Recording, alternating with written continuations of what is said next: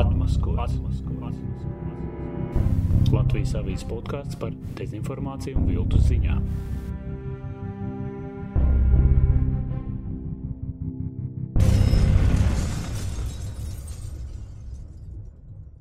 Labdien! Atmaskots sestā epizode. Te atkal Māris Antonevičs, bet šoreiz mums viss būs ne tā kā parasti. Jo pirmkārt mēs esam trietā, nevis divi tā kā dažas iepriekšējās reizes, un kopā ar mani te ir divi Latvijas avīzes kolēģi. Māra Libaka, viņa raksta par veselības jautājumiem. Labdien, Māra! Sveiki! Un otrs mans sarunu biedrs būs Raivis Šveicars, Latvijas avīzes eksperts par modernajām tehnoloģijām, internetu un vispārējo to saistīto. Sveiki! Nu, tad kaut kādā veidā mēs šodien pieskarsimies abām šīm jomām saistībā ar dezinformāciju un viltus ziņām. Um, bet vēl kaut kas neparasts ir tas, ka arī ot, Māra mums ir otro reizi jau. Atceries, mēs pirmo reizi bijām jūnijā ar tevi. Jā, jā. Tas Pirmajā podkāstu epizodē, un toreiz mēs runājām par to, ko sauc par infodēmiju un visu to dezinformācijas vilni, kas bija saistīts ar Covid-19 izplatību. Pirms divām nedēļām mēs te jutāmies vēl kaut kādi īpaši, ka apkārt Eiropā visur saslimstība aug, bet mums te kaut kāda saliņa ir. Un tagad mums ir kaut kādi rekordi uz Eiropas līmeņa, kas, kas vispār notiek, vai tas tieši tas nerada cilvēkos kaut kādu neticību. Tikko nebija un pēkšņi tik strauji viss. Nu, to jau uh, mūsu epidemiologs Jurijs Perevaščakovs ir nezinu, cik reizes skaidrojis. Uh, Ja uh, šie uzliesmojumi būs lielākos kolektīvos izglītības iestādēs, tad burtiski dažu dienu laikā uh, šie nelielie uzliesmojumi var kļūt par, par lieliem uzliesmojumiem, ar arī ar cilvēku nokļūšanu stacionāros, kā mēs redzam, palielinās šis skaits. Tas arī kā testēšana notiek arvien plašāk un vairāk, un tas arī dod šo statistiku klāta, bet tāpēc jau ir, nu, ir noteikti tādi uh, drošības ā, pasākumi, kurus jācenšas ievērot. Mums tomēr ir uh, podkāsts par dezinformāciju, un līdz ar to varētu teikt, ka pirmais jautājums pirms dezinformācijas ir komunikācija, šajā gadījumā oficiālā komunikācija. Kā tu vērtē oficiālo komunikāciju valdības amatpersonu citu atbildīgu amatpersonu? Kā komunikācija kā notiek? Nu, parasti, parasti mm, normāli, demokrātiskā valstī informāciju par, par to, kā mums būtu šajā, šajā situācijā jāuzvedās, nu, to noraida sabiedrībai žurnālisti un noraida arī paši lēmumu pieņēmēji. Un šajā gadījumā eh, gan eh, veselības ministrē, gan epidemiologs Perevoščikovs, gan infeklogs Dumpis, gan premjers Kariņš ar putām uz lūpām ir, ir, ir katru nedēļu to skaidro. Tikai jautājums ir, kāda ir sabiedrības uztveršanas spēja. Nu, viena to uztver un ņem nopietni, un, un, un, un citiem ir pilnīgi vienalga. Citi tie uztver naidu, dusmām, vienaldzību, nu, nu kā, kā iedarboties uz tiem cilvēkiem, kuri skatās ar lielu skepsi uz šiem te ierobežojumiem, kuri noteikti vēl būs stingrāki turpmāk, jo tā infekcija jau izplatās. Paklausīsimies, varbūt uh, Ilza Viņķele preses konferencē bija par šo jautājumu runājusi. un Te viens citāts no viņas.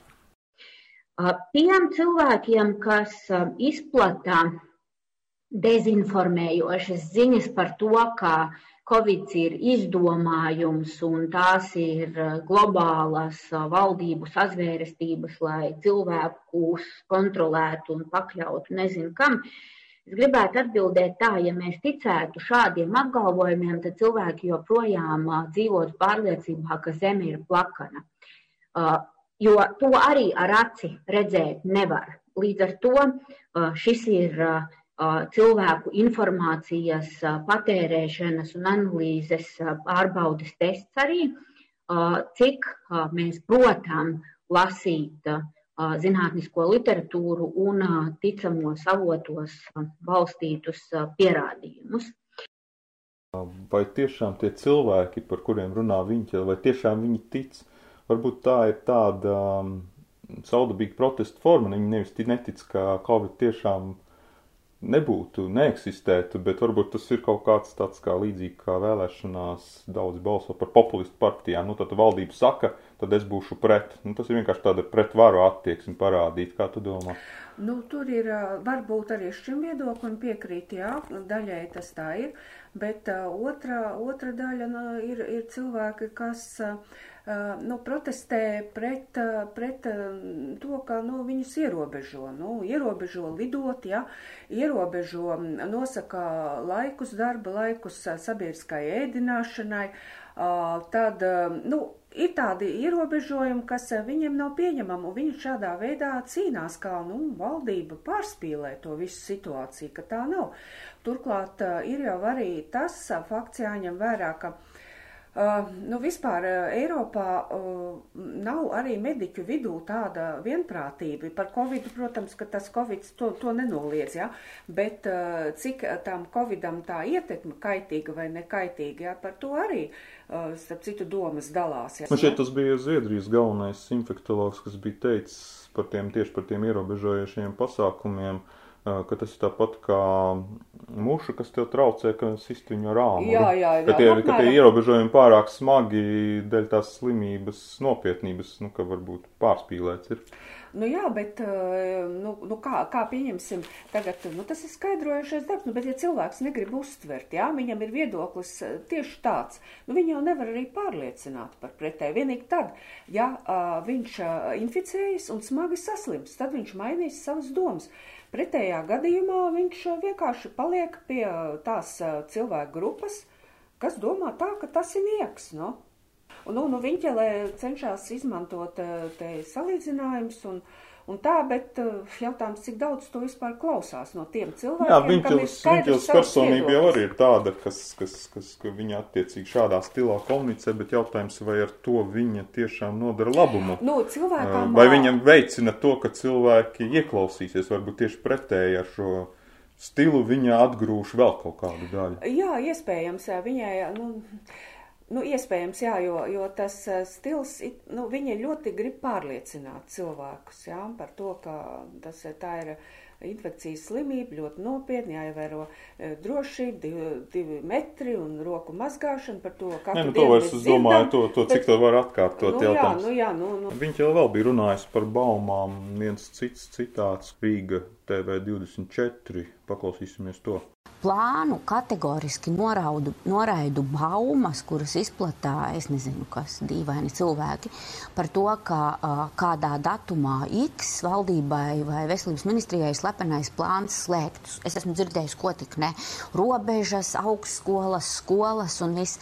Tās ir pilnīgas un absolūtas blēņas. Šāda plāna vienā datumā nav. Valdība ir skaidri definējusi, ka pie nosacījumiem, ja mums pieaug uh, slimo cilvēku, ar covid slimo cilvēku skaits, pie tam smagi slimo skaits uh, slimnīcās. Ja mums nav kontrolējama infekcijas izplatīšanās, ne, mēs nevaram noteikt, ka tie ir tādi uzlosmojuma perēkļi, bet tie ir uh, pa visu Latviju ja, uh, daudz inficēšanās punkti, kur nevar izsekot, kā tie ir radušies. Tad var lemt vai būs jālēm par striktākiem ierobežojumiem, bet viena datuma un viena skaitļa, pie kura tas notiks, nav. Te atkal ir runa par valdības komunikāciju, un atkal es dzirdēju šajā viņķils teicienā to vienu mazo vārdiņu, kurš tur atkal pasaka, ka es nezinu, kā tur tos cilvēkus saukt, nu tādi tie apmēram tie tādi dīvaini tam līdzīgi. E, bet man patiesībā arī ir jautājums, labi, valdībai nav plāna, viņi to ļoti skaidri pasaka, un es šajā gadījumā ticu, ka nav plāna slēgt visu un tur ierobežot un tam līdzīgi, un tas droši vien ir pareizi. Bet man tomēr gribētu dzirdēt nevis kas nav, bet kas ir. Tātad, ja ir situācija A, tad mēs pieņemam lēmumu B. Jā, tu pilnīgi pareizi spried. Tieši tā. Un te ir manāms nu, veselības ministrs bailes par to, ka infekcija var izplatīties tā, ka stacionāros nokļūst arvien vairāk cilvēku. Un tas bailes jau ne tikai viņai, droši vien arī daļai sabiedrības. Uh, Um, bet uh, te jautājums par to, cik stacionāri šobrīd ir gatavi, ja, um, ja tur nonāk 10, 20, 30, 40, 50, 100 cilvēku. Mēs dzirdam gan to, ka nu, iepērk tur um, tos elpināmos aparātus un aizsargu līdzekļus ārstiem, ja, bet uh, tiešām vairāk ir, ir jāstāsta ministrei par to, uh, c, nu, situācijā, kura pasliktināsies, kāda drošība ir cilvēkiem, ja pieaugs strauja saslimstība. Raivi, tu raksti par ekonomiku daudz ko uzņēmēji. Viņi taču gaida kaut kādus lēmumus, piemēram, kas notiks ar viņu biznesu, ja būs situācija tāda, tur tik saslimušo, ja būs situācija tāda, nu nevar tā kā pavasarī, kad vienkārši pasaka, viss jūs nestrādājat un dariet, ko gribat, un tur dīkstās pabalst un tam līdzīgi. Protams, tas ietekmē uzņēmums, tāpēc būtu nepieciešams konkretizēt, vai un kādi uh, ierobežojumi ir gaidāmi, ja tiešām vēl joprojām turpina celties saslimšo skaits. Jums jau redzējām pavasarī, tomēr Latvijā ir lieli uzņēmumi, kas, kas ievērojami cieši. Tas pats ir Baltika. Mēs, mēs varam runāt, kas vasaras gaitā mazliet jau, mazliet jau atguvās, bet, bet izskatās, ka jau šobrīd atkal, atkal viss, viss tiks, tiks slēgts ciet, tāpēc ir vēlams, lai, lai būtu šai ziņā, lai būtu jā, aktīva komunikācija no, no, no valdības un iestādēm un, un, un uzņēmumu saprastu, kas ir gaidāms. Un tāpēc jau varbūt tās baumas arī, nu, teiksim, baumas sākas. Jā, Aha, valdībā aizslēgs. Mm. Ko mums tagad darīt? Mums jau jādomā laicīgi, bet um, šobrīd ir tikai tā, ka mēs apkarosim šīs baumas, bet neteiksim šo jā, scenāriju. Jā, jā, tas ir tieši tā. Tas var arī negatīvi, mazāk. negatīvi nospēlēt. Tā ziņā, ka tiešām, ja ir tas bums un liels bums, un tu tiešām pieņem to, ko tu šobrīd saka, ka nepieņems neko, un tu tomēr nāks pieņemt, tas atkal negatīvi ietekmē šo, šo tēlu. Nu Nu, ir pierādījies, ka tomēr mums ir valstī disciplinēti cilvēki, un uh, viņi parasti tomēr cenšas ievērot to, ko, to, ko saka. Labi, sekosim, kas notiks um, ar Covid-19 izplatību un, un kādi mums vēl gaida nepatīkamas ziņas. Diemžēl pagaidām nekas patīkams nenāk, bet pāriesim pie mūsu divām citām tēmām. Mm, viena no tām, kas, kas ir tādas intriģējošas nosaukums pateikšu, tad, tad pirmais mediķi propagandas upuri, un otrais - krāpšana izmantojot slavenības. Un tūlīt mēs par tiem abiem arī runāsim. Atmaskots. Māra, tev bija raksts par mediķiem, kas kļuvuši par propagandas upuriem. Šajā gadījumā es gribu atsevišķi uzsvērt Krievijas vai Kremļa propagandas, jo nu, mediķi var būt kļūt arī par upuriem dažādiem, varbūt, varbūt arī Covid-19 apstākļos būs kaut kādas pret viņiem vērstas kampaņas, bet nu, pagaidām mēs runājam konkrēti par stāstu par mediķiem, kas kaut kādā veidā ir pateikuši, ka viņi Latvijā vēlas runāt latviešu valodā, valsts valodā, un ka viņu pamatpienākums nav lietot brīvi Krievu valodu. Par ko bija tavs raksts? Pēdējais, man bieži vairāk raksts, bet pēdējais bija par situāciju, kāda, kādā nokļuva anesteziologs Renamakos Roberts Fūrmanis. Nu, viņš stāsta žurnālā klubs jūlija numurā, citēšu, vakar Stradiņas slimnīcā pie manis piegāja čalis, kurš meklēja dzemdību nodaļu. Viņam mugurā bija krekls ar uzrakstu rasija. Es pateicu, labdien, šeit ir Latvija, sāksim ar to, ka runāsim latviski. Viņš apgriezās un aizgāja. Nu, lūk, un no šī mazā, eh, mazā sižetiņa izvērstā, izvērtās tādi Krievijas medijos, nu, riktīgi propagandiski raksti, kā lūk Roberts Furmanis, uh, kā tur bija tas virsraksts. Skalo smadzenes. Skalo smadzenes, jā. Skalo smadzenes um, Pacient. pacientam. Lai gan tas nebija šajā gadījumā, viņa pacients, tas bija vienkārši cilvēks slimnīcā garām. Nu jā, un tad, tad, tiek iz, izpušķots, kā tas uh, viss tur ir noticis, jā, lai tā skaļāk un skarbāk skan. Tas jau nav pirmais, ir jau arī vēl citi sižeti, kuri ļoti apzināti, starp citu, izvērst. Es domāju, ka šis arī, jo tāpēc, ka tā intervija bija klubā jūlijā, un tad pagāja divi mēneši, kad pēkšņi sākās portālos šīs situācijas apspriešana, ja, tajā viņu mērcē. Tu sazvanīji arī Robertu Fūrmani, varbūt paklausīsimies no fragmentu no jūsu sarunas. Saprotiet, kas par lietu ir. Kopš intervijas Kubā ir pagājuši divi mēneši.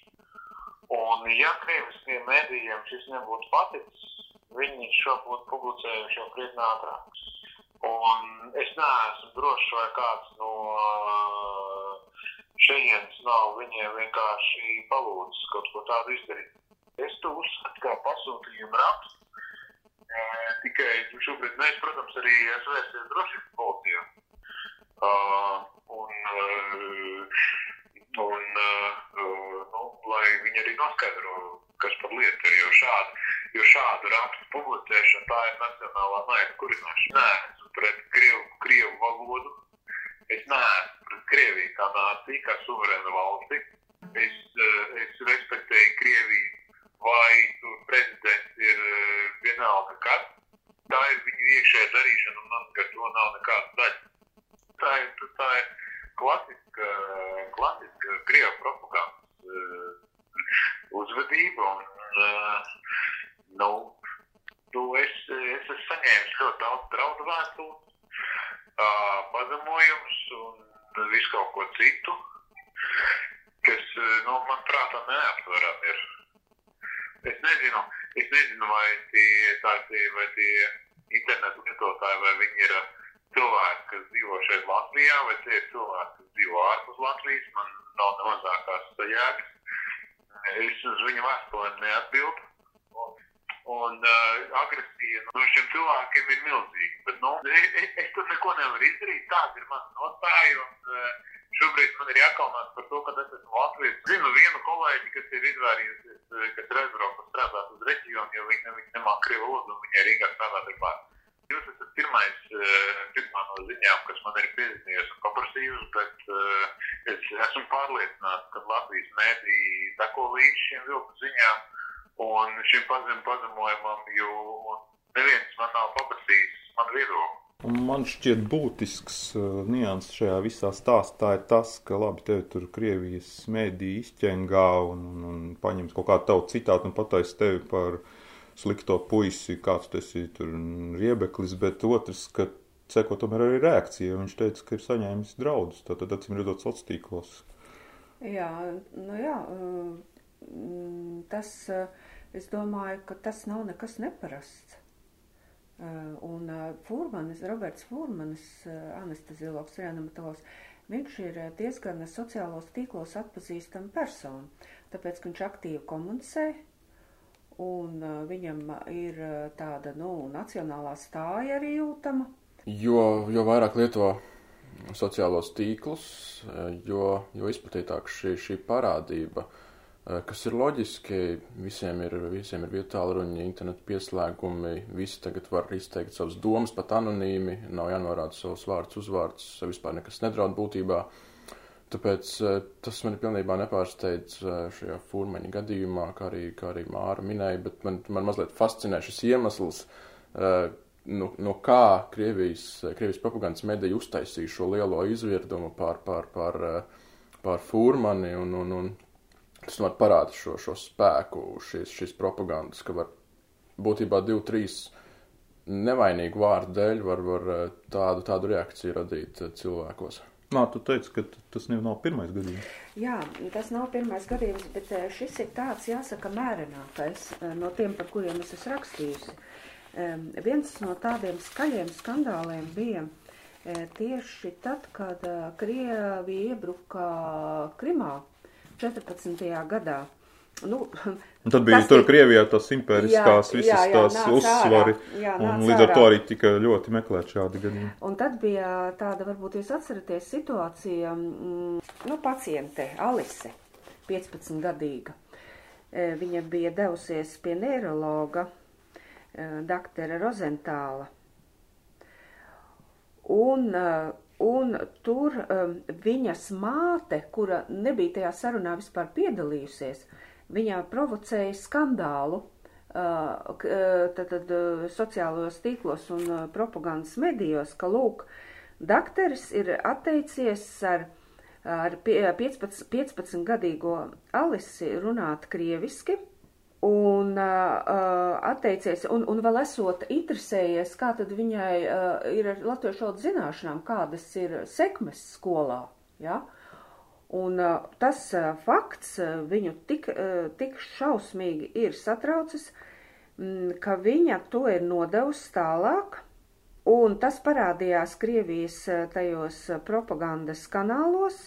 Viņa tā māte ir Diāns Skaburska Zakroja, un viņā sociālos tīklos slavina PSRS, kur viņa stāsta, ka dzīve bijusi tik jauka, un, lūk, un, un viņa atstāsta šo te e, informāciju, pasniedz tālāk, ja, viņa absolūti neinteresē tā situācija, kā tur ir bijis, ja, ko ārsts teicis, ko, mā, ko meita atbildējis, klāt nesot ar ārstu nerunājot, viņai pietika ar vienu tikai tādu mazu impulsu, lai tas tā kā izvirdums aizietu, ja, cik šausmīgi, ka lūk, dakteris neārstē e, bērnu, ja?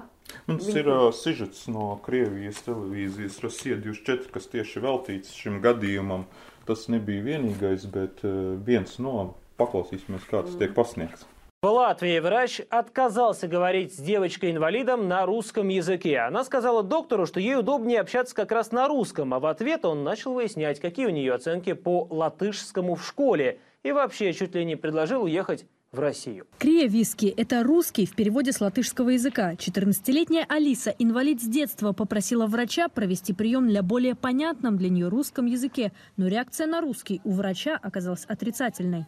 Врач начал ее унижать в плане того, что она не знает латышский язык, какие у нее оценки в школе, что она двоечница. Что касается медицинских терминов, которые ребенок опять же не понимал в беседе, врач посоветовал ей попользоваться Google переводчиком. Там она найдет как бы ответ на свои вопросы. Плюс он сказал о том, что вообще-то она живет в Латвии, должна знать государственный язык, и чтобы она уезжала в Россию. Невролог Гунтис Розенталс принимает в государственной детской больнице. Среди родителей она на хорошем счету. А вот о докторе Розенталсе пациенты часто оставляют отзывы в интернете. Многие жалуются именно на особый подход к тем, кто говорит по-русски. Было то же самое. Пришли на платную консультацию, заплатив 25 лат. У девочки был такой сильный тик, что сосуды в глазах лопались. Также прицепился к знанию языка. Ей 10 лет было. Про тик сказал, само пройдет. Больше к нему не ногой. Конечно, отзыв в интернете может написать любой, да и разговор с Алисой на диктофон записан не был. Доктор Розенталс признал, что действительно спрашивал об оценках Алисы по латышскому языку. Все остальное, по его выражению, скорее эмоции. Больница поспешила извиниться. О какой-либо проверке или санкциях по отношению к неврологу Розенталсу ничего не сообщается. Понятно, что по формальной логике больница латвийская государственная, а значит и рабочий язык в ней тоже. Но главная обязанность врача – это лечить пациента. А про язык в клятве Гиппократа ничего не сказано. Atstāstīšu sižetu, jo tur daudz bija krievu valodā. Tātad tas ir stāsts, ka Latvijā. Viņa esot teikusi ārstam, ka vēlas sarunāties viņai saprotamajā krievu valodā, bet ārsts sācis prasīt, vai viņa skolā latviešu valodu nemācoties, kādas atzīmes, un kā pasniedz šis televīzijas žurnālists, gandrīz vai ieteicis braukt uz Krieviju.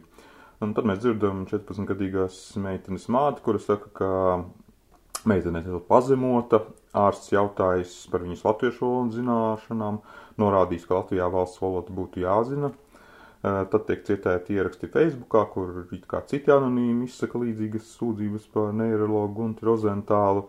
Un tad beigās Rasija 24 korespondenti vēl mm, nu, piebilst, ka nu, jā, viņi nevarot pārbaudīt, vai šis notikums tiešām esot tāds, jo ieraksta nesot, bet nu, slimnīca esot atvainojusies. Bet ārstu nesodīs. Un beigās vēl tiek norādīts, nu, tāds kā mājiens, ka redz, viņš pārkāpj Hipokrētas zvērestu, nerunājot krievu valodā, kad pieprasa. Uh, toreiz slimnīcā šo gadu, eh, nu jā, pat, pats par sevi jau absurds ir tas, ka, ka pusaudze, ja, kurai ir pēc maniem datiem 15 gadu, nu 14 gadu, nu, 14, saka, 15, ja, tātad pusaudze, ja, ka, ka viņi jau nerunā, viņi neko nestāsta, ja, bet runā viņas vietā māte, kura vispār ar ārstu nav runājusi un situāciju nezinu. Vadība toreiz to gadījumu izskatīja un, un, un toreiz arī konstatēja un publiski pateica, ka ārsts neatteicās runāt krieviski. Redz, bet te mēs redzam, kā ko atšķiras žurnālistikas sižets no propagandas sižets. Jā. Šeit mēs dzirdam tātad žurnālists pašas visādus secinājumus, mēs dzirdam kaut kādu Facebook anonīmu ierakstu, mēs dzirdam šo cilvēku, kas apvaino. Mēs nedzirdam notikuma, notikuma dalībniekus jā, vispār. Jā, nu lūk, un, un, un viņš arī neatteicās uh, veikt to bērnu, nu, pusaudzes to, to apskatīja. To, tas viss um, to vadīja paziņoja publiski. Te gan jautājums ir, uh, ka nu, viņš ir vecāka gadagājuma ārsts ar lielu pieredzi, tas Gunts Rozentāls, bet slimnīcās ienāk ar vienu vairāk jaunākās paudzes ārstu, kur tiešām nezin krievu valodu. Nu, Raivi, vien, Raivi, ko tu vari teikt par saviem vienaudžiem, kā viņiem ar to krievu valodu? Pēc uh, Fūrmanis es atgādināšu tajā mazajā fragmentiņā teica, ka viena kolēģi dabūjusi laikam braukt uz kaut kādu reģionu, kur mazāk tā krievu valoda. Jā, nu, cik nu man draugi pazīstami paziņas, jo jaunāk, jaunāks paudzes paliek, jo sliktāk prot krievu valodu. Būtībā cilvēki vienkārši vēsturiski pieņem, ka ārstam ir jāzina krievu valoda, Bet uh, es ticu un es domāju, ka, kā arī Mārta teica, mainoties paudzēm, arī ārstu vidū, noteikti vēl vairāk ārstu nezinās krievu valodu. Un ko tad darīs šie cilvēki, kas, kas, kas nepārzina valsts valodu? Kaut būtībā viņiem būtu jāzina, jo viņi dzīvo Latvijā, mācās, mācās mūsu skolās. Es arī neprotu krievu valodu. Mēs ārstu vietā rīkotos, rīkotos līdzīgi. Turklāt, tā, kā jau Māra arī minēja, tev ir raivi visas izredzes kļūt par Krievijas propagandas upuri, ja tu kaut kur iekļūsi līdzīgās izredzes. Nu, tā, tā, tāds veidojas, ka man augot nav bijuši vispār eh, ne kaimiņi, eh, krievu, krievu valodīgie, ne skolu bijusi, protams, latviešu, un nav vispār bijusi nekāda saskara ar krievu valodu, izņemot skolā mācīties eh, krievu valodu tos pāris gadus, ko es neuzskatu, ka ir ka, re, ka reāli iemācīties skolas solā krievu valodu, ir nepieciešams viņu lietot, un tas būtu tikai uz ielas vai ar draugiem, ja man tādu nav, tad es nevaru iemācīties. Bet, eh, nu, šādas situācijas slimnīcām, protams, vadībām ir jāapsver. Uh, ka ir uh, jāveido sistēmas, man liekas, ka Austrum slimnīcā jau ir tāda, bet varbūt es kļūdos, vismaz bija ideja, um, tātad iespēja nolīgt tulku Un tas vai nu tad ir jādara pašiem, pašiem tiem pacienta piedarīgiem, ja pacients ir pasmagi slims, ja, un mm. krieviski tikai runā un, un nav iespējams ar viņu sazināties attiecīgās specialitātes ārstam. Vai, vai tā tad, nu, paši nodrošina vai arī slimnīca nodrošina. No Eiropā ir tā, ka Eiropas valstīs ir, zinu, Vācijā, piemēram, arī kur, kur turku, nu, tā daļa ir liela, daudz turku iedzīvotāju. Tad ir viņiem tulki slimnīcām, viņi zvana uz tām firmām un, un tulko. Nu, tas arī Latvijā ar laiku novedīs pie tā, es domāju, ka uh, Un, uh, šādi... Šiem stāsts jau ir par to, ka mēs šobrīd esam Eiropas Savienībā. Eiropas Jā. Savienībā ir daudz oficiālo valodu. Ja Krievu valoda nav oficiāla valoda ne Latvijā, ne Eiropas Savienībā. Pieprasīt, lai runā krieviski, tas ir diezgan īpatnē. Tādā, tad jau drīzāk varētu pieprasīt, lai runā kādā Eiropas Savienības jā, valodā. Jā, Cilvēks, kas ieradies. Bet, uh... Un bērni, piemēram, viņš aizved savu bērnu, atdot ārstu, un tad vēlāk taisas izžetu, piemēram, Francijas televīzijā, kāpēc ārsts nav franciski atbildējis. Nu, tur nu, tie bet... cilvēki līdz tādam pat neizdomā tas līdz tādam variantam. Bet, ja tā Alise būtu nokļuvusi Francijā, ja? un viņa nerunā, viņa runā tikai krieviski, nu tad kā? Nu, Francijā gan jau būtu iespēja noalgot tulku, kas uh, tulko. Mm. Nu, tā sistēma mums vēl nav skaidra valstī, ja? tajā ārstniecībā, kā, kā, kā rīkoties, lai operatīvi tas notiktu. Nevar jau tur gaidīt stundām, ja, ka tas tulks uzradīsies, bet lai tas operatīvi, es zinu, ka Uģis Gruntmans stāstīja par Ameriku arī par viņa slimnīcu, viņš strādāja ka viņiem ir tie, tie tās organizācijas, kur viņi zvana ārsti un kas operatīvi nodrošina, ka tūks arī, un var arī attālināt šobrīd, ja tās iespējas nav jau jābūt klātienē. Uh, nezinu, es domāju, ka ja to jautājumu nerisinās, tad ar vien vairāk parādīsies tajos Krievijas propagandas medijos šāda veida sižeti. Es domāju, ka sižeti parādīsies jebkurā gadījumā, nu, jā, jo nav runa par problēmu. Būs tāda attīstīt to. Ne? Jā, tā runa nav jau par problēmu, bet par to, ka vajag iemest uzbrukumam. Jā, un, uh, man liekas, ka es paskatījos pie šī Rasija 24 ieraksts, viņš joprojām ir YouTube pieejams, visi var apskatīties, un tur arī cilvēki komentē, nav tikai krievu valodā, protams, pārsvarā arī komentāri, un tur viens tā raksta, nu, ka diez vai kāds uzdrošinātos atteikt kāds ārsts Latvijā ASV pilsonim, ja viņš līdzīgi ierastos un runātu angliski. Nu, es domāju, diezgan reāls scenārijs, kad angliski ārsts neprot un viņš mēģina šo situāciju savādāk risināt. Un otrs tur bija tāds, nu, mājiens apmēram uzreiz, lai, lai saprastu, ka, ko, ka, kā, kāpēc tiek ražots tādi sižeti, tur bija piezīme. Nu, vienu dienu mums apniks šņabi dzert un vēl laiku spēlēt ar domu, ka nu, mēs te atgriezīsimies un tad jūs redzēsiet, labāk mācīties krievu valodu. Atmaskots. Pievērsīsimies mūsu otrai tēmai. Tas būs saistīts ar internetu, modernajām tehnoloģijām un viltus ziņām un, un pat krāpniecību, kas tur šobrīd pieņemas spēkā. Es pastāstīšu stāstu, kas man lika pievērsties šoreiz un par to sākt runāt. Es pirms nedēļas kaut ko meklēju Google un, un tur kaut kādas lapas vērās, man vajadzēja kaut kādu attēlu. Un pēkšņi atverās tāda lapa, kas atgādina ļoti portālu Delfi Un tur ir Laimas Vaikulis foto, Laima Vaikula tātad pazīstama dziedātāja un virsraksts Laimas Vaikulis milzu peļņa apdraud lielo banku darbību. Un, un tā kā es mazliet pazīstu, zinu, ko raksta Delfi, un, un arī apmēram zinu, ka šādi virsraksti nu, neizklausās pēc žurnālistikas, tad es uzreiz, protams, apskatīju adreses lodziņu un ieraudzīju, ka tur ir pavisam cits. Tur nav Delfi, bet tur ir kaut kāds, pēc vairs neatceros tos vārdus, nu, vārdu ciparu kombinācija, nu, vienkārši kaut kāda izveidota automātiska lapa. Un, ja tā vienkārši saka, es biju uzdūries viltus ziņai, bet nu, šajā gadījumā varbūt varētu teikt, ka tas ir krāpniecības veids.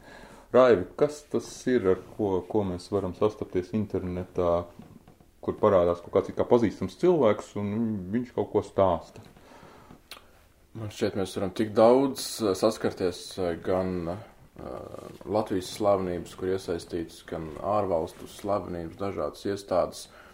Tu ļoti pareizi darīji, jā, ka pārbaudīji šo, šo adreses, adreses lauciņu, jo, jo bija šis gadījums jā, ar, ar Laimu Vaikulu. Un tiešām izskatās pēc, pēc Delfu ziņas, bet uh, arī tas virsraksts un kopējā ziņa ļoti dzeltena, uh, kas jau ir viens no tiem pirmajiem, pirmajiem faktoriem, kam būtu jāpievērš uzmanība, ka nu, nevar tomēr būt šāda veida ziņas tomēr cienījamā medijā, kas, kas attiecas uz to, cik daudz un kāda veida. Es, piemēram, esmu pamanījis arī vasarā bija, man šķiet, gadījums ar, ar, ar influenceriem, kad platformas, dažādas investīciju platformas aicina nopērk influenceriem tā kā reklāmas laukumu, un viņš nepārbaudot nekādu informāciju, saviem sekotājiem liek investēt, bet īstenībā tā ir tā kā tāda schēma, piramīdas schēma un ar visām investīcijām, visām investīcijām aizbēg. Influencerim, protams, nekas, jo viņš nepārbauda informāciju, viņam arī būtībā nekas par, par to nedraud, tas tikai vēlreiz pierāda to, ka jābūt tai kritiskajai domāšanai, jāizvērtē ik viens eh, šāds piedāvājums, jo būtībā nekas mūsdienās nav par velti, Eh, pat šķietam, kas ir par velti, vienmēr kāds no tā iegūst kādu labumu. Un, un, un internetā ir tik daudz schēmu dažādu, ka jābūt ļoti kritiski domājošam. Ja te uzstājīgi piedāvā iesaistīties kaut kādā darījumā, tad labāk desmitreiz pārbaudi, kas tas par darījumu nevis steidzies tur ātri to izmantot. Tieši tā. Jā, tur vēl tāda interesanta nianse, nu es ar interesi tālāk sāku apskatīt šo ziņu, nelasīju visu šo garo stāstu par Laimas Vaikulis veiksmīgiem sasniegumiem. Uh, Bet tur bija tāds viens ģimenes foto, kur tika apgalvots, ka tas ir 53 gadus vecais divu meitu tēvs Kārlis, un tur tā ģimenes bilde. Un bija tāds, ka jā, viņam tur bijusi nelaime, tad viņš sācis nodarboties ar kriptovalūtām un atrisinājis visas savas finansiālās problēmas. Un tad, kad jau šī, šis stāsts man bija interesējis, es paņēmu šo bildi, lai nu, mēģinātu atrast, kas tad ir šie cilvēki, un, un ievadīju Google attēlu meklētājā. Un man uzreiz izleca, nu, diezgan daudz šo attēlu, un es sāku lasīt, un izrādās, ka tas ir kā, jā, Latvijā viņš ir Kārlis, bet citur Vācijā viņš ir Klaus, tad viņš tur kaut kur citās vēl Eiropas valstīs ir Zaharijs, tur, laikam, angliski runājošajās valstīs viņš ir Zaks, nu, visur, visur arī viņš ir ģimene, tur gadu skaits pamainās, citur viņam 50, citur 52, citur 53, tātad, nu, tad, tad es saprotu, ka šī schēma ir uh, starptautiska. Tas nav tikai, tikai Latvijā, Latvijā atrodams šādas schēmas, šodien arī klausījos, bija uh, CERTLV, uh, Finanšu nozars asociācijas un valsts policijas rīkota, rīkota preses konferences par telefonu krāpniekiem, kur zvanu cilvēki, pārsvarā krievalodīgie, pieprasa ievadīt, nodot uh, Smart ID datus, un tādā veidā viņi iegūst par tevi informāciju, novelk naudu no konta. Respektīvi, tas nav tikai Latvijā, tā ir visās Baltijas valstīs, visās Eiropas valstīs. Tev liek klikšķināt uz saitēm, ievadīt telefonu numurus, un, un, un, jo viņa motivācija nav nozagt, nav tikai no Latvijas. Viņam būtībā ir gūt peļņu, jo vairāk lielāka peļņa, jo labāk. Tas ir visās valstīs, tur nevarētu tikai teikt, ka tas ir Latvijā. Pat Latvijā varbūt pat iespējams mazāk, jo iespējams Latvija mazs tirgus. Mazs tirgus nekotējās kā tik, tik turīgu cilvēku valsts iespējams, kaut arī kā norādīja preses konferencē valsts policijas darbinieks Latvija joprojām tomēr kotējās kā Eiropa, kas ir turīga valsts salīdzinot ar, ar kādām vidusāzijas, piemēram, valstīm vai Āzijas. Tā kā, protams, vai ir kaut kāda informācija, no kurienes šīs schēmas nāk oriģināli, bet to vispār mm, iestādes nav iespējuši izsekot? Uh Cik nu stāstīja šis valsts policijas darbinieks, izsakots, ir tas, ka vienmēr, nu, tur runājot par telefonu krāpniekiem, vienmēr runā krieviski, respektīvi, mm -hmm. bet tas nenozīmē, ka tas ir no Krievijas. Viņš teica, ka tā nav nu, Krievija, ka tā viņš nenosauc valsti, jo tā esot noslēpumaina informācija, respektīvi nevar izpaust, bet tā esot no austrumu, austrumiem. Tas, es pieļauju, varētu būt Ukraina, varbūt mm -hmm. Baltkrievija. Uh, jā. Bet šīs interneta lapas nav. Tas gan ir grūti izsekojams, jo jā, ir arī par šīm, ir gadījumi par šīm uh, kriptovalūtām, kad mēģina izkrāt bitkoinus. Uh, tā kā Bitcoins bāzējas blokķēdē, kas ir būtībā neizsekojama platforma, decentralizēta. Tur tiešām nevar izsekot uh, neko. Arī daudz teroristi izmanto pārskaitījumus blokķēdē ar, ar bitkoiniem. Tāpēc, nu jā, tā, tā, tā ir tāda slēgta, slēgta kopiena. Un, kas likās interesanti, ka tomēr ir kaut kādām zināšanām jābūt par to valsti, lai tu varētu izmantot šajā gadījumā, tev jāatrod slavenība. Un... Es sastapusies esmu ar pazīstamiem cilvēkiem, kuru identitāte tiek nozakta komerciālā nolūkā. Jā, precīzi apzīmējums identitātes zakšana. Jā. Mm, jā. Un, piemēram, viens no pēdējiem bija ar žurnālisti Dainu Jāņkalni. Es, es ar viņu arī runāju. Tātad tas, tā bija intervija. Uh, Un tagad tu lasi, liekas, nu, viņa cilvēks tāda ļoti atklāta un par sadzīves visādām tēmām runā, un ļoti atklāta, un viņa stāsta tagad, kā viņa ir attārpojusi savu organismu, ja? Tu lasi un, un, un domā, redz, nu, ārprāts, nu, kā viņa tik, tik atklāt līdz un nonāca līdz tai zāļu paciņai, kas ir, uh, nu, tātad, li, uh, faktiski vil, viltots līdzeks, jo viņš nekur zāļu reģistrā nav. Un, un tad, kad parādās informācija, ka to ir veselības ministri izgudrojusi, ja, nu, tad skaidrs, ka tas ir absolūta dezinformācija.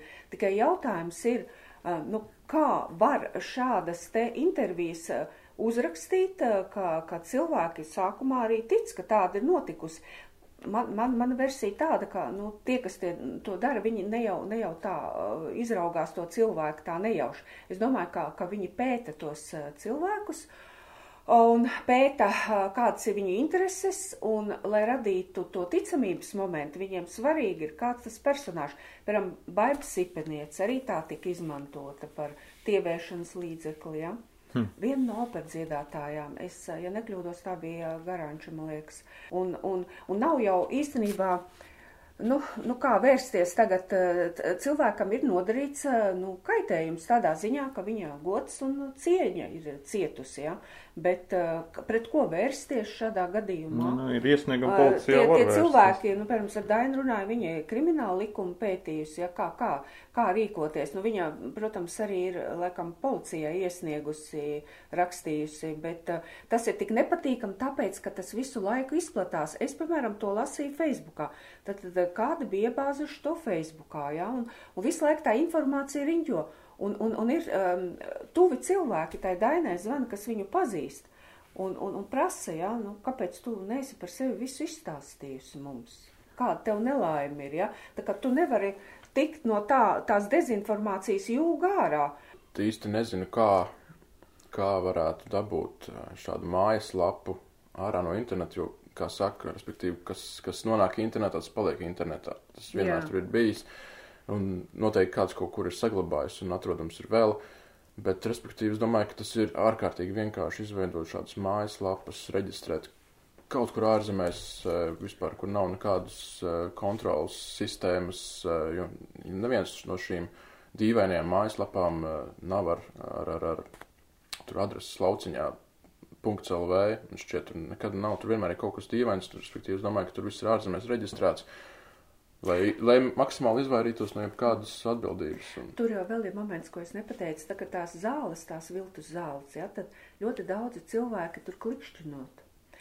Un tad uh, nu, viņiem prasa naudu, viņi arī maksā.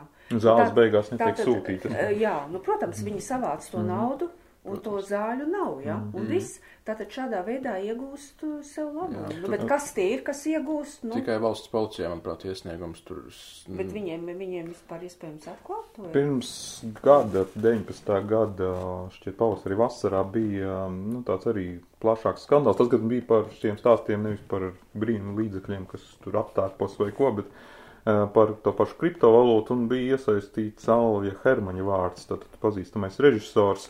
Un es atcer, arī atceros, ka toreiz pamanīju, nu, tas bija kādā populārā portālā, Google Ads reklāmā, kur bija uzraksti. Viņam viss ir beidzies, viņa pēdējais paziņojums Latvijai un bija Hermaņa bilde. Uh, Un, nu, tas likās tā, nu, diezgan satraucoši. Un, es domāju, daudz arī vienkārši noklikšķināja, ja tur bija mērķis savā klišķis, arī tas nostrādāja. Bet nu, vēlāk tur bija stāsts, ka mm. viņš kļuvis bagāts un ka viņš vairs nestrādāt neko un tam līdzīgi. Mm. Un tad uh, vairāki mēdī bija šķiet taisījuši par šiem stāstus.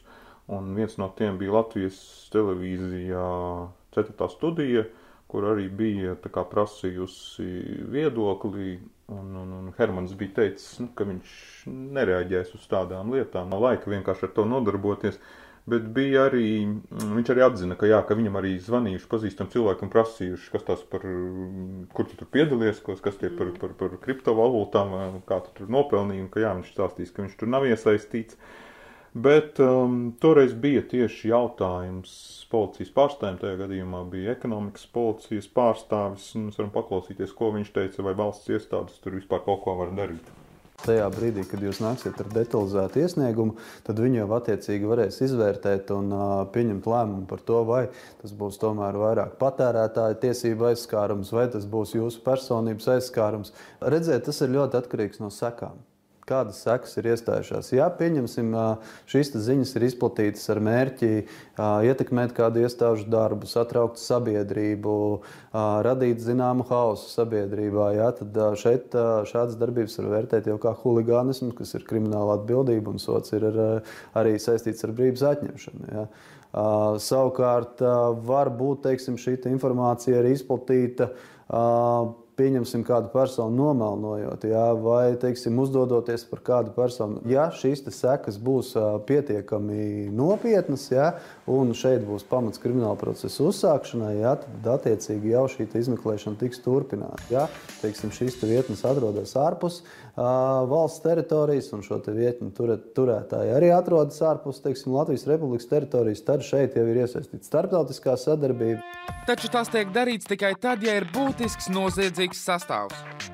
Tuvākajā nākotnē noteikti katra valsts ar vien vairāk par to aizdomājās, un arī Latvijā pie tā tiek strādāts, kādā veidā pasargāt mums šo te informatīvo telpu no uh, dažādiem teiksim, uh, noziedzīgu nodarījumu izdarītājiem. Tas bija ekonomikas policijas pārstāvja Mārtiņa Brīža komentārs Latvijas televīzijai pagājušajā gadā.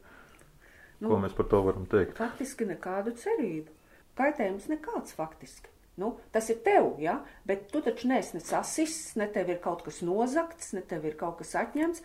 Nu, tas pārstāvs pateica, ka viņi jau neko nevar iesākt. Nu, labi, iesaistīts to starptautisko, uh, nu, arī um, savus starptautiskos kanālus, bet vai ir bijis kāds gadījums, ka tiešām uh, ir, piemēram, kaut kas atklājies vai kaut kādi sodi bijuši?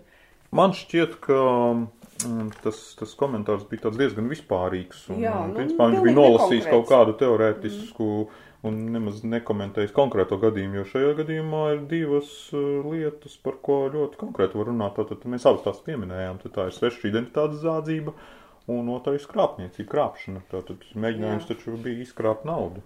Nu, ja tie cilvēki drīzāk, kuriem to naudu izkrāpt, tad tiem vajadzētu vērsties policijā. Bet, jebkurā gadījumā, kā Mārija teica, nav tiešām dzirdēts, ka tie, kas ir bāzēti ārvalstīs, ka tur būtu kāda atklāšanas gadījuma. Nu, arī tur šajā preses konferencē, ko minēja valsts policijas darbinieks, norādīja, ka šī starptautiskā iestāde visticamāk tas ir Eiropols, un nav jau nekas dzirdēts tiešām, ka viņi kaut ko atklātu. Bet šādi te nu, uzbrukumi faktiski tie ies tikai vairosies un būs ar vien vairāk. Un Tieši tā, un tas... Uh, iet, man sajūta, ka iestādes iet pakaļ, un, un tur jau ir izdomāts tik jaunas schēmas, no, bet iestādes vēl, vēl domā ļoti vispārīgi par to, ka vispār tāda problēma varētu parādīties, kaut gan viņi jau sen ir parādījusies un jau tiek meklēti jauni veidi. Bet, es... iedomājies, bet to jau var arī politiski, piemēram, tuvojoties vēlēšanām, ja? Taču šos kandidātus var šā, sākt šādā veidā izplatīt, uh, viltus zina viņas uh, par viņiem caur šādiem ne, ne, Neteiksim priekšā idejas, bet lai parādītu, ka tas viss nestāv uz vietas un ka tas ir daudz nopietnāk, kas te gribējuši stāst no šīs vasaras. um, kur bija jau līdzīgs stāsts, bet jau daudz sarežģītāks, kur jau, jau nebija vienkārši lapu izveidot, bet jau, jau ir nopietnāk cilvēki ar nopietnākām zināšanām iesaistīti. Es, man neliels fragments no amerikāņu televīzijas CBS, kas par šo ziņoja. We're watching this story. Several high profile Twitter accounts appear to have been hacked with comments posted about cryptocurrency. The hacked accounts include Jeff Bezos, Bill Gates, Elon Musk, Uber, and Apple. Many of the tweets have already been deleted. To give you a sense of what these tweets are saying, the Uber tweet read, quote, due to COVID-19, we are giving back over $10 million in Bitcoin. All payments sent to our address below will be sent back doubled.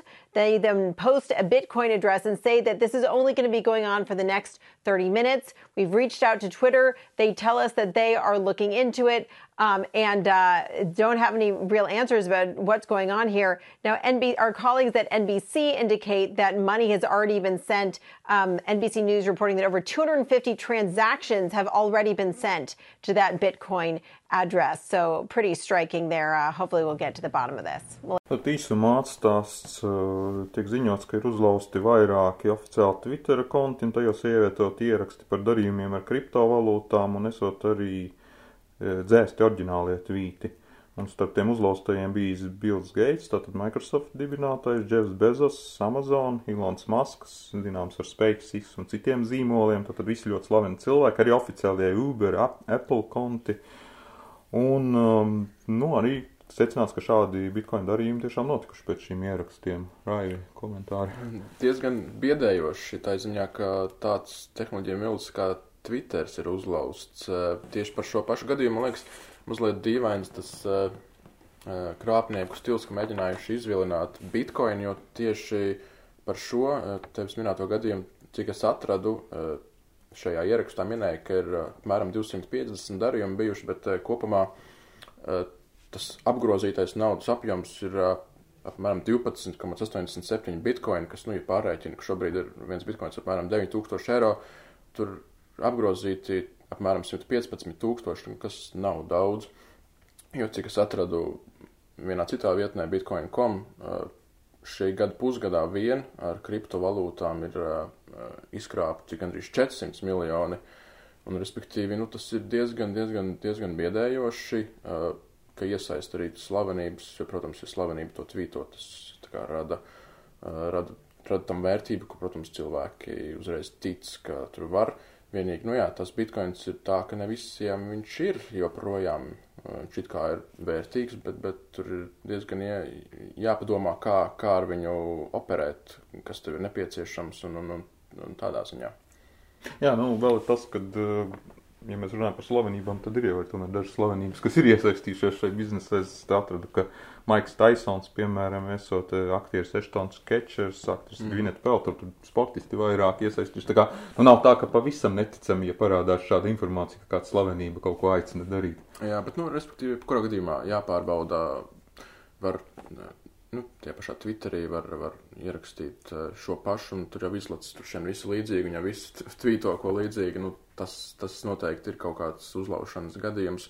Nu, joprojām, kā, kā, jau, kā jau minēts, vajag mazliet, mazliet kritiski, jeb, jebkuru vērtēt, ja tev sola, ja tev sola no investīcijām uzreiz mežonīgi atdevi, nu, tā parasti nenotiek tomēr. Nu, vienīgais tā tad cerēt uz veselu saprātu un vairāk pārbaudīt visu. Pagaidām grūti cerēt, ka tur iestādes mums palīdzēs atrisināt visas šīs problēmas, Jā. kas tikai vairojas. Paldies jums par šīs dienas raidījumu. Māra Libeka, Raivis Šveicos, Latvijas avīzes žurnālisti. Tiekamies nākamreiz. Tu esi atmaskots.